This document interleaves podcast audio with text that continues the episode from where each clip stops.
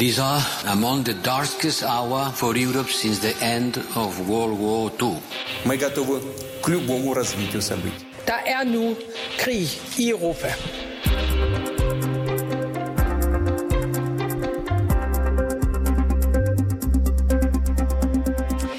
Russiske soldater rykker lige nu frem i Donbass-regionen i det østlige Ukraine. I Severodonetsk har voldsomme kampe medført, at omkring halvdelen af byen bliver kontrolleret af russiske styrker. Flere tusinde civile er fanget i byen og har hårdt brug for hjælp. Og imens det her sker i Ukraine, så sidder Putin i Rusland og snakker i telefon. Han taler med den tyske kansler Olaf Scholz og den franske præsident Emmanuel Macron.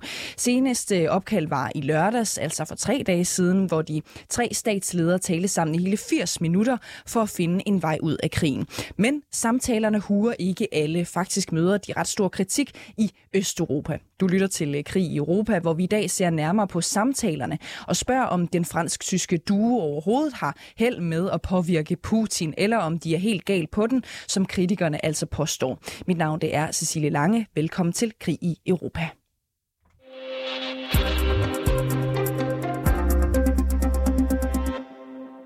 Uffe Gardel, journalist og vært på 24-7-programmet Putins øh, Verden. Godmorgen til dig. Godmorgen. Og tak fordi du havde lyst til at komme i studiet her øh, sammen med mig.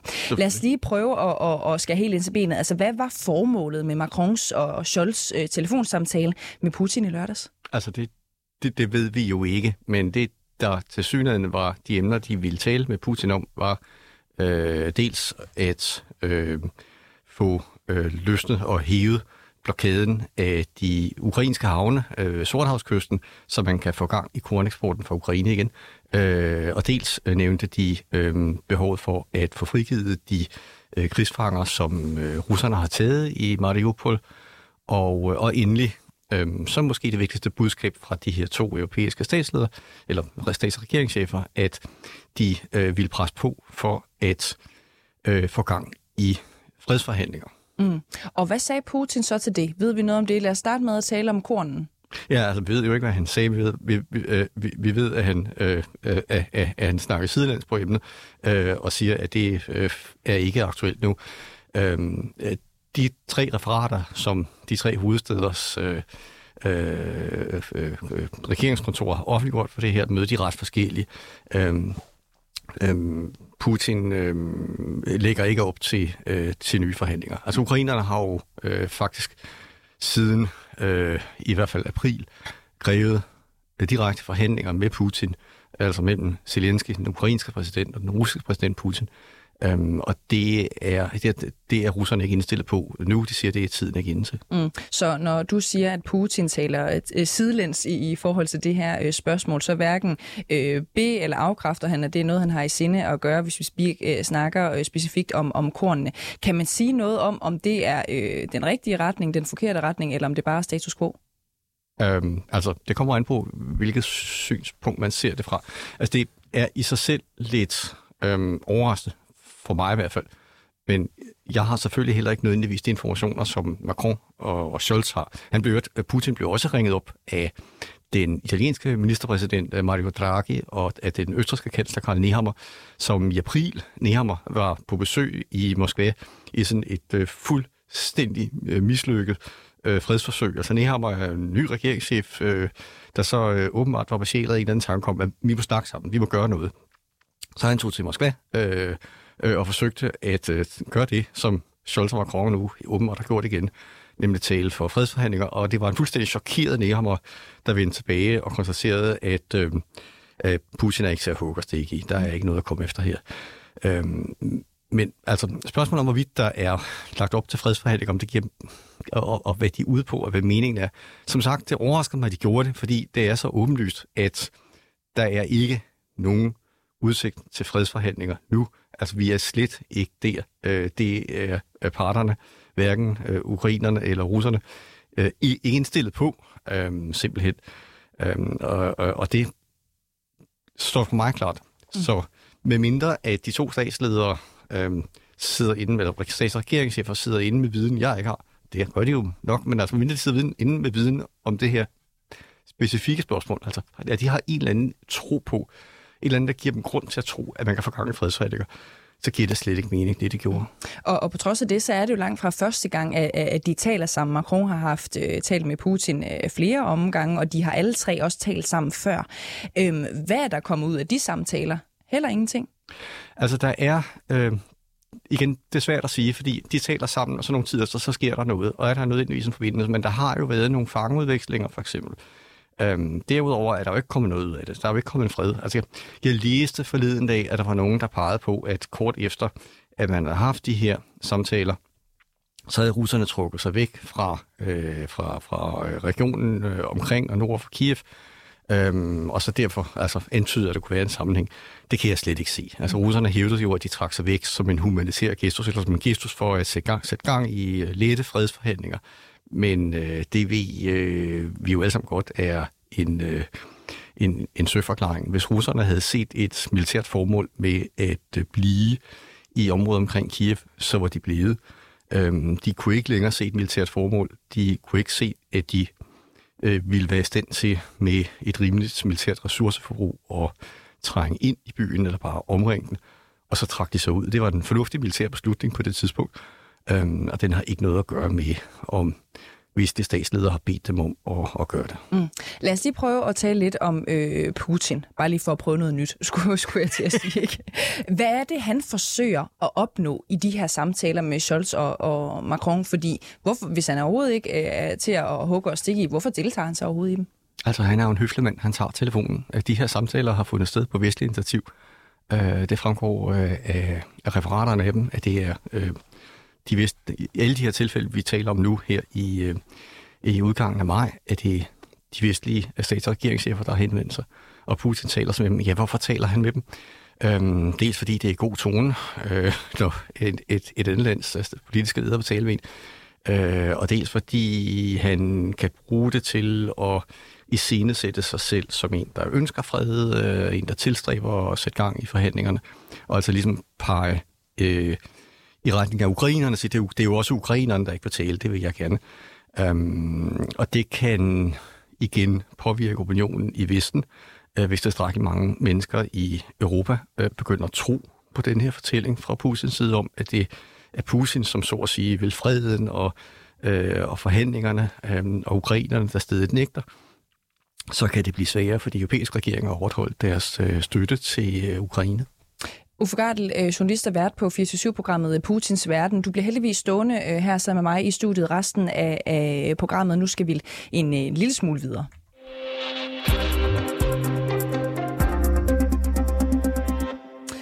Hvis alle fortsætter med at ringe til Putin, så får han ikke følelsen af at være isoleret. Sådan lyder kritikken fra Estlands premierminister Kaja Kallas, efter at øh, kansler Scholz og præsident Macron øh, gentagende gange har talt i telefon med den russiske præsident.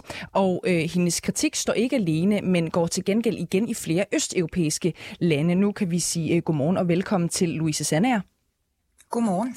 24-7's korrespondent i, i Frankrig. Hvor udbredt er den her østeuropæiske øh, kritik af Scholz og Macrons øh, samtaler med Putin?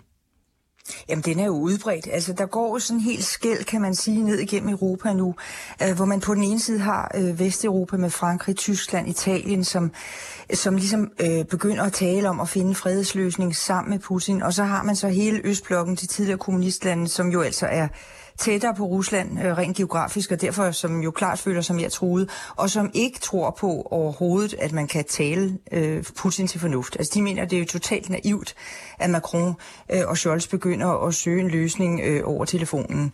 Øh, så derfor kan man sige, at det jo lykkedes et eller andet sted Putin at skabe det her skæld nu øh, i Europa. Øh, Macron har også fået kritik for at sige, at Rusland ikke må ydmyges efter sine samtaler med Putin. Hvorfor siger han det? Jamen det gør han jo, fordi at, at han siger, at Rusland vil jo også være der, når krigen engang er overstået. Øh, og hvis man så har fået ydmyget Putin og Rusland rigtig meget, så frygter han, og det samme gør Italien og, og Tyskland, at Rusland øh, bliver sådan en rigtig gal bjørn, der sidder over hjørnet, meget aggressiv og kun tænker på revanche. Altså at Putin vil blive endnu mere farlig bagefter. Så derfor snakker Macron hele tiden om det der med at finde en, en fredsløsning, som også inkluderer russerne.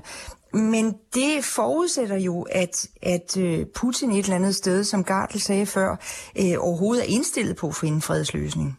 Men Louise Sanna, hvilken strategi skulle det overhovedet øh, være, altså med de her østeuropæiske, hvis man skal prøve at tage deres stemmer seriøst? Altså hvilken øh, alternativ løsning skulle Macron have valgt? Jamen altså, han kunne jo øh, vælge hardcore og sige, nu støtter vi øh, Ukraine med våben, øh, og jeg snakker ikke mere med Putin. Det er i virkeligheden det, som mange østeuropæiske lande gerne vil have ham til. Øh, de vil simpelthen klippe linjen til Putin. De vil vise ham øh, med magt, at øh, de, vil, de vil sende ham tilbage til Rusland og en gang for alle give ham en ordentlig en på, på, på øh, øerne. ørerne. Ikke? Øh, og det, øh, det tror Macron ikke på. Han tror simpelthen ikke på, at man kan finde en løsning, der ikke inkluderer russerne. Hans problem lige nu er, at han sidder lidt mellem to stole. Fordi på den ene side bliver han ved med at ringe og tage øh, sig så ringe over til Putin og det der telefondiplomati, og på den anden side, så vil han jo også gerne vise, at han støtter Ukraine. Og det er der, hvor man kan sige, at østeuropæerne er blevet i tvivl nu de er blevet i tvivl om, hvor står Macron egentlig? Øh, vil, han lige frem, øh, vil han lige frem give russerne noget for at få fred, for eksempel? Det er jo det, som italienerne har peget på. Øh, og derfor så, øh, så er der lige nu ikke helt så stor enighed i Europa, som der har været. Nej, og når du siger det, så kan jeg jo ikke lade være med at spørge. Jeg ved ikke, om det her det er et mærkeligt spørgsmål, men kan man tale om, at Putin er lykkedes med at få splittet Europa med den her øh, kritik, og en Macron, der står fast på, at han har valgt den rigtige løsning? Ja, altså det, det er i hvert fald noget, som de franske medier begynder at pege på, at, øh, at Putin han sidder og gnider sig i hænderne lige nu. Øh, og man kan også se øh, på russiske medier, man kan se på russiske sociale medier osv., hvordan at de nu begynder at puste til den der uenighed, altså at lægge, lægge vægt på, ja, men øh, Tyskland og Frankrig og Italien, de synes også, altså, at man ligesom øh, langsomt kunne få indarbejdet den der idé om, at det måske ville være okay at give russerne Krim og, og Donbass for i det mindste at få fred og komme tilbage, tilbage til noget, der er øh, business as usual. Og helt kort her til sidst, Louise Sand, er, øh, hvad er Macrons øh, næste skridt? Altså, hvordan har han tænkt sig rent faktisk at få skabt øh, noget øh, udvikling i de her samtaler?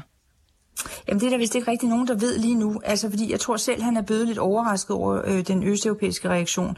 Så han har lidt trukket sig ind i sin, i sin skal i den forstand, at, øh, at han øh, netop har sendt sin øh, udenrigsminister, sin nye udenrigsminister, Katrine Kolonat, hende har han sendt til øh, øh, Ukraine, og det var jo sådan et, et tegn på, jamen vi, vi støtter jer stadigvæk øh, fuldt og fast. Altså fordi der var blevet tvivl om, hvor stod Macron. Så han er nok blevet lidt, øh, jeg tror, at efter at der er kommet billeder og dokumentarer, og det er blevet dokumenteret, hvor voldsomme mm. og brutale russerne har været. Øh, der tror jeg, at han trækker sig lidt væk og prøver nu at støtte Ukraine. Så jeg tror, at telefonforbindelsen er lidt mindre varm i øjeblikket. Louise Sande er 24 korrespondent i øh, Frankrig. Tak fordi du var med øh, her til øh, programmet. Selv tak. Og vi øh, kaster bolden direkte videre til dig, øh, Uffe Gardel. For jeg kunne godt tænke mig, at du lige øh, prøver at forholde dig til øh, noget af det, som Louise Sanna lige sagde. Jeg tror, det er rigtigt, at Putin øh, sidder og, og gnider sig i hænderne lige nu, hvor han kan se, at der er øh, konflikt og der er splittelse i Europa? Ja, øh, det tror jeg er helt rigtigt. Jeg er fuldstændig enig i Louise Sanders øh, øh, fremlægning af situationen. Altså bortset fra det handler om, hvad Macron egentlig er ude på, det kan jeg ikke sige noget om. Det ved hun bedre. Men øh, øh, som jeg sagde før, er, at det Putin kan opnå ved at vise sig forhandlingsvillig, altså lade som han er forhandlingsvillig, det er jo at få det dele af den europæiske offentlighed til at, at, øh, at øh, kræve, at vi lægger pres på Ukraine for at gå til forhandlingsbordet. Um, og så har han opnået en mm. splittelse. Mm.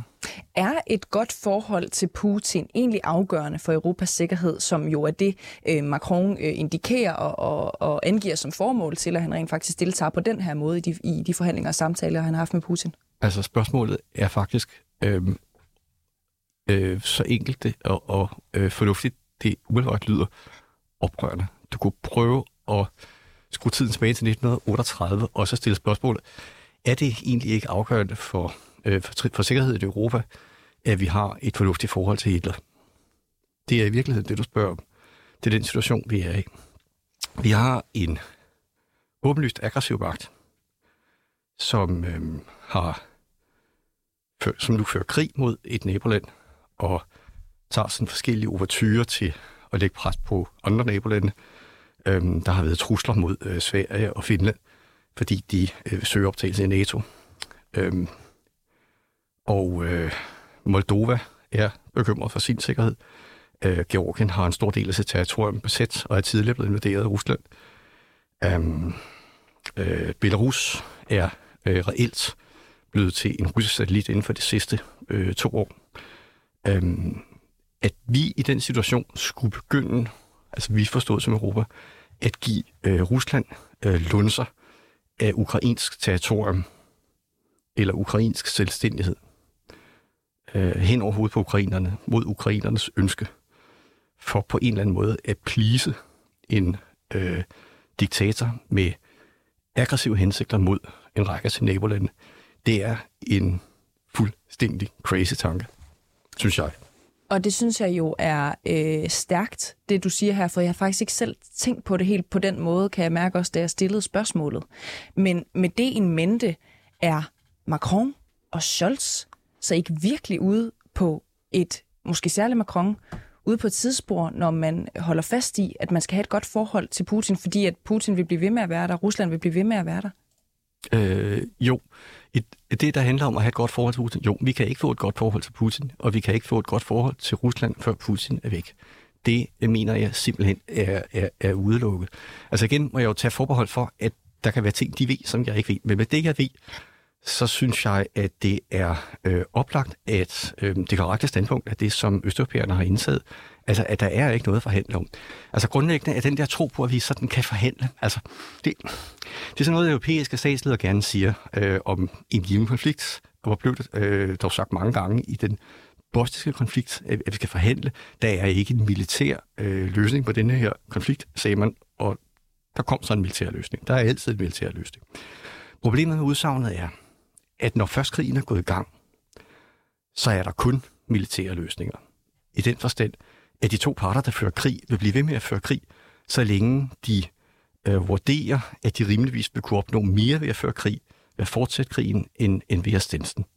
Og det vil sige, at det er udelukkende begivenhederne på slagmarken, der afgør, om der kan forhandles om fred, og, øhm, og hvordan de fredsforhandlinger kommer til at forløbe.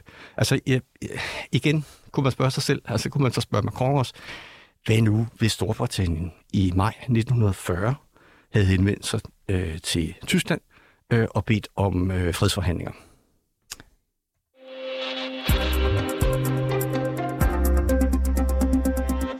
Good morning, uh, Igor Novikov. Good morning. Morning. You're former advisor to the Ukrainian President Zelensky. You're with us from uh, Central uh, Europe. Um, Igor Novikov, the German Chancellor Scholz and the French President Macron are having several ongoing talks with Vladimir Putin. Is that the right thing to do, you think? Well, to be honest, there are two sides to that coin. Uh, first of all, uh, if those negotiations actually bear fruit, if there's any, anything positive coming out of them, I mean, by all means, they should be done. Uh, but on the other hand, you have to understand that um, this war has been going on more or less for eight years now, since 2014 when Russia annexed Crimea and attacked Donbass.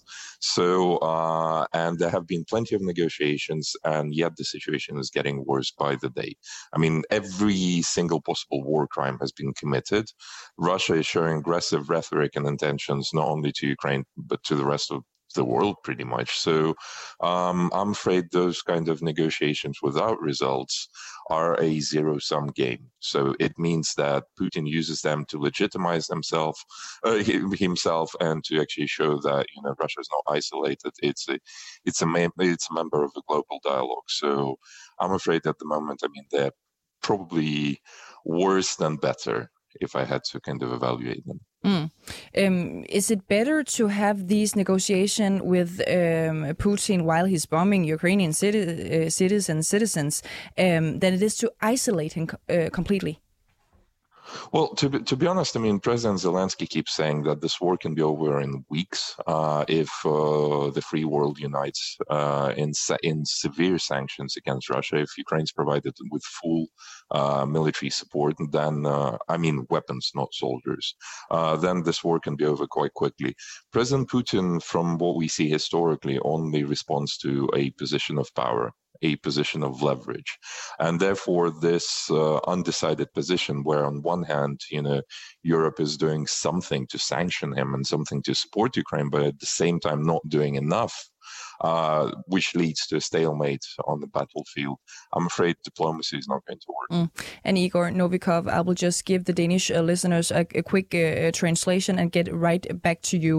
Uh, det, som bliver sagt her, altså fra den tidligere uh, rådgiver til den ukrainske præsident Zelensky, er, at der er to sider af den her sag. Hvis forhandlingerne uh, virker, så er det godt, men på den anden side, så skal man forstå, at krigen har været i gang siden 2014. Altså, der har været forskellige slags øh, krigsforbrydelser, og, og som Novikov altså Altså siger her, så frygter han, at Putin bruger forhandlingerne til at legitimere sine øh, handlinger, og frygter altså også, at forhandlingerne gør mere skade end gavn.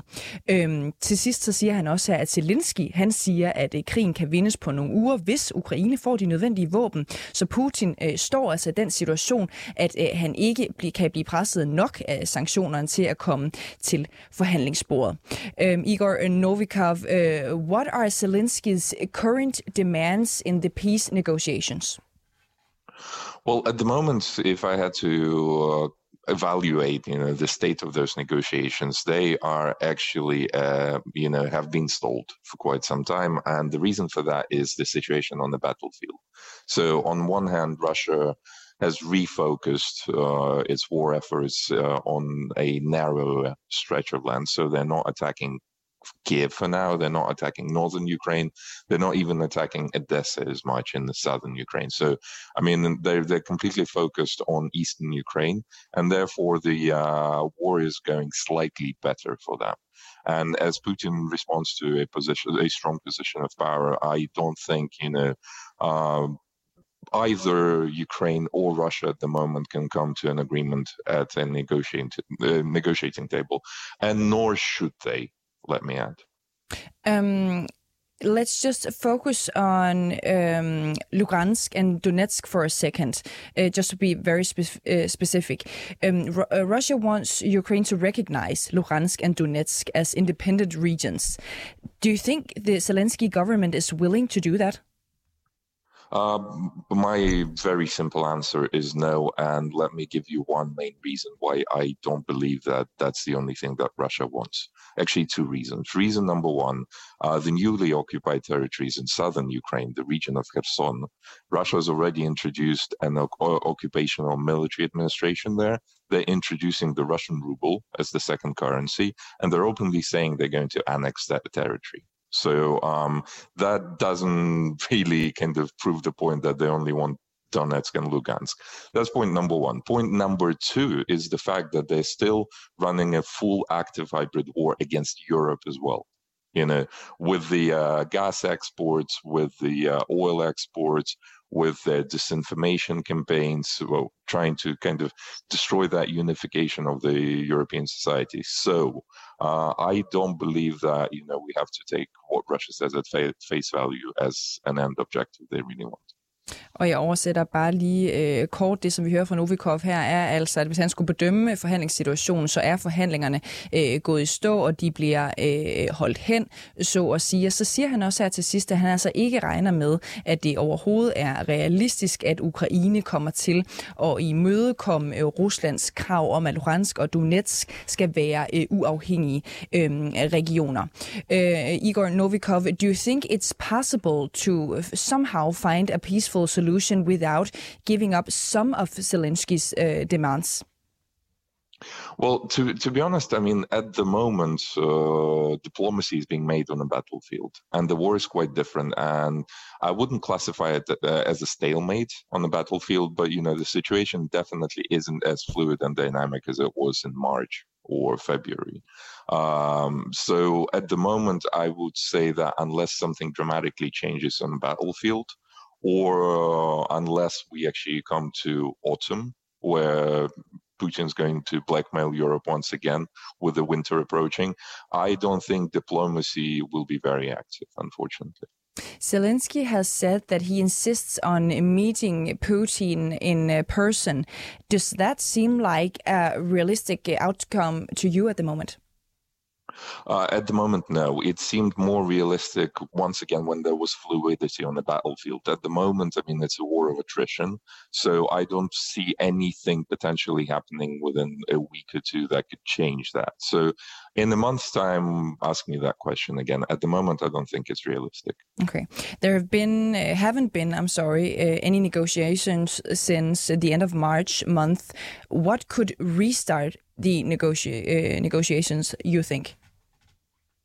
I, I think negotiations will only restart when one of the uh, sides has a position of leverage. So if Putin, uh, God forbid, is winning, uh, and you know he has enough leverage to actually force a deal um, similar to what he forced on Ukraine in Minsk, Minsk 1 and 2, then we might see this relaunch of negotiations. On the other hand, if Ukraine receives the weapons, if the sanctions get proper, uh, you know, if Putin feels that pressure, that might lead us sooner or later to negotiations as well. But at the moment, I mean, it's a stalemate. Igor Novikov, uh, former advisor to the Ukrainian uh, President Zelensky, thank you so much for being with us uh, this morning. Thank you for having me. And take care. Øhm, og jeg giver bare lige en hurtig øhm, oversættelse her til vores øh, danske lyttere, fordi som vi hører fra Igor Novikov her, så bliver der altså sagt, at i øjeblikket så foregår diplomatiet på øh, slagmarken, hvor tingene ikke rykker sig så meget øh, som i februar og marts måned, så medmindre der sker noget stort på slagmarken, eller vi når frem til efteråret, hvor Putin mere effektivt kan afpresse Europa med sin gas, så øh, spår han altså ikke diplomatiet de store øh, øh, chancer inden for en, en måned eller to. Så siger Igor Novikov også, at han tror, at, øh, at forhandlingerne begynder igen, ikke før, men kun hvis en af parterne øh, står i en styrket position. Lad os sige, at Putin, øh, godt forbid, som øh, Igor Novikov altså også siger her i indslaget, begynder at vinde frem på slagmarken, så kan det være, at det kommer til forhandlingsbordet. Og hvis Ukraine får de nødvendige våben, og sanktionerne rammer øh, Rusland hårdt, så kan det gøre, at Ukraine er klar til forhandlinger igen. Det var altså Igor Novikov, øh, Øh, tidligere øh, rådgiver for den ukrainske præsident Zelensky, som var med os her til morgen.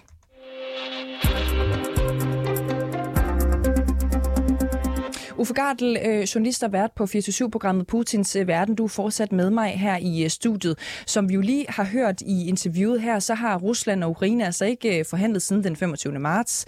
Øh, hvor langt er vi lige nu fra at genoptage fredsforhandlingerne? Nu fik du lige bidraget her fra Igor Novikov. Er du enig med ham? Ja, jeg er fuldstændig enig med ham. Og det, han siger jo sådan set øh, meget det samme, som jeg sagde, at det er begivenhederne på slagmarken, der kommer til at afgøre, om der kan forhandles, hvornår der kan forhandles, og hvordan de forhandlinger forløber øh, der vil blive ført krig fra, fra en, mindst en af parterne, og der skal jo altså kun en part til at føre en krig, øh, så længe man kan se et formål med det. Og lige nu er der ingen af parterne, der synes, at de vil opgive noget. Det andet, man skal huske, er, at, øh, at Zelensky sådan set har låst sig fast, bundet sig fast til masken, på den måde, at han har sagt, at et hvert forhandlingsresultat med russerne skal til folkeafstemning i Ukraine, og øh, vi ved fra øh, meningsmålinger, der blev lavet en her forleden, at der er et knusende, overvældende flertal af ukrainerne i alle dele af Ukraine.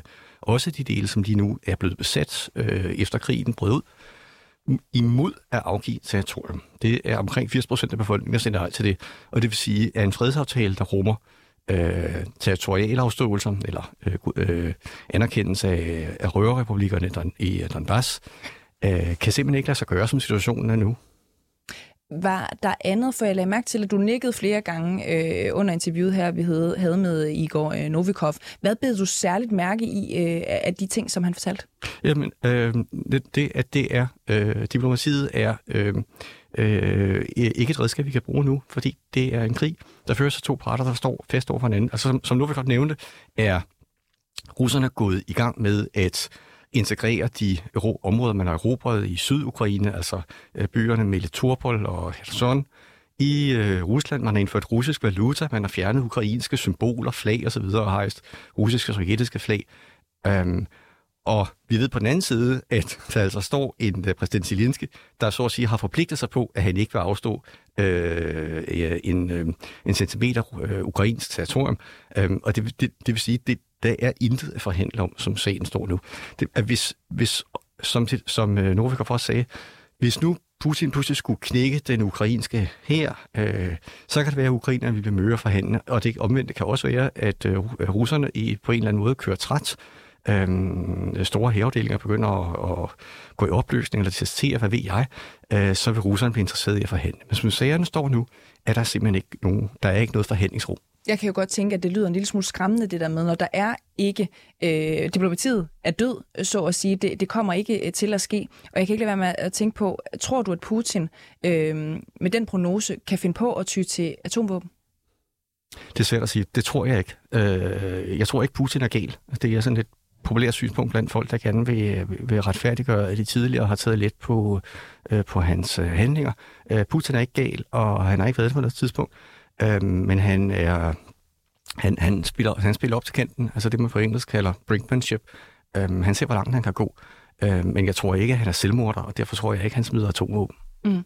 Øhm, vi ser jo også, at EU etablerer den ene sanktionspakke efter den anden. I den her uge, der kom den sjette sanktionspakke. Øh, kan det blive øh, det, som bliver afgørende i forhold til, om russerne trækker sig, til øh, trækker sig tilbage? Det kan jeg slet ikke se.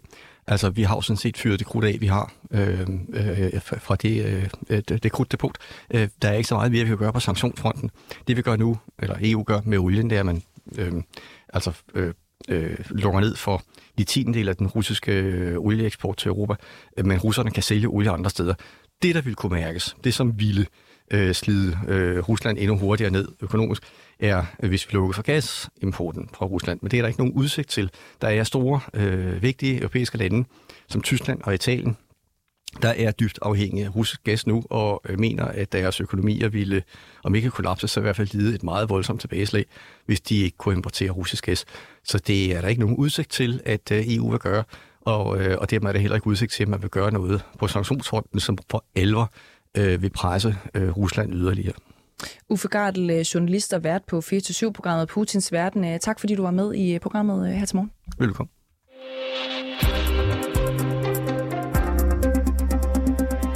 Du har lyttet til Krig i Europa. Redaktionen bag dagens program var Oliver Bernsen og Sofie Ørts. Mit navn det er Cecilie Lange. Og husk, hvis du øh, kan lide det, du lyttede til, så kan du finde alle afsnit af Krig i Europa i vores øh, 24-7-app eller i den øh, podcast-app, du foretrækker at downloade fra. Du kan selvfølgelig også bare lytte med hver dag live i radioen.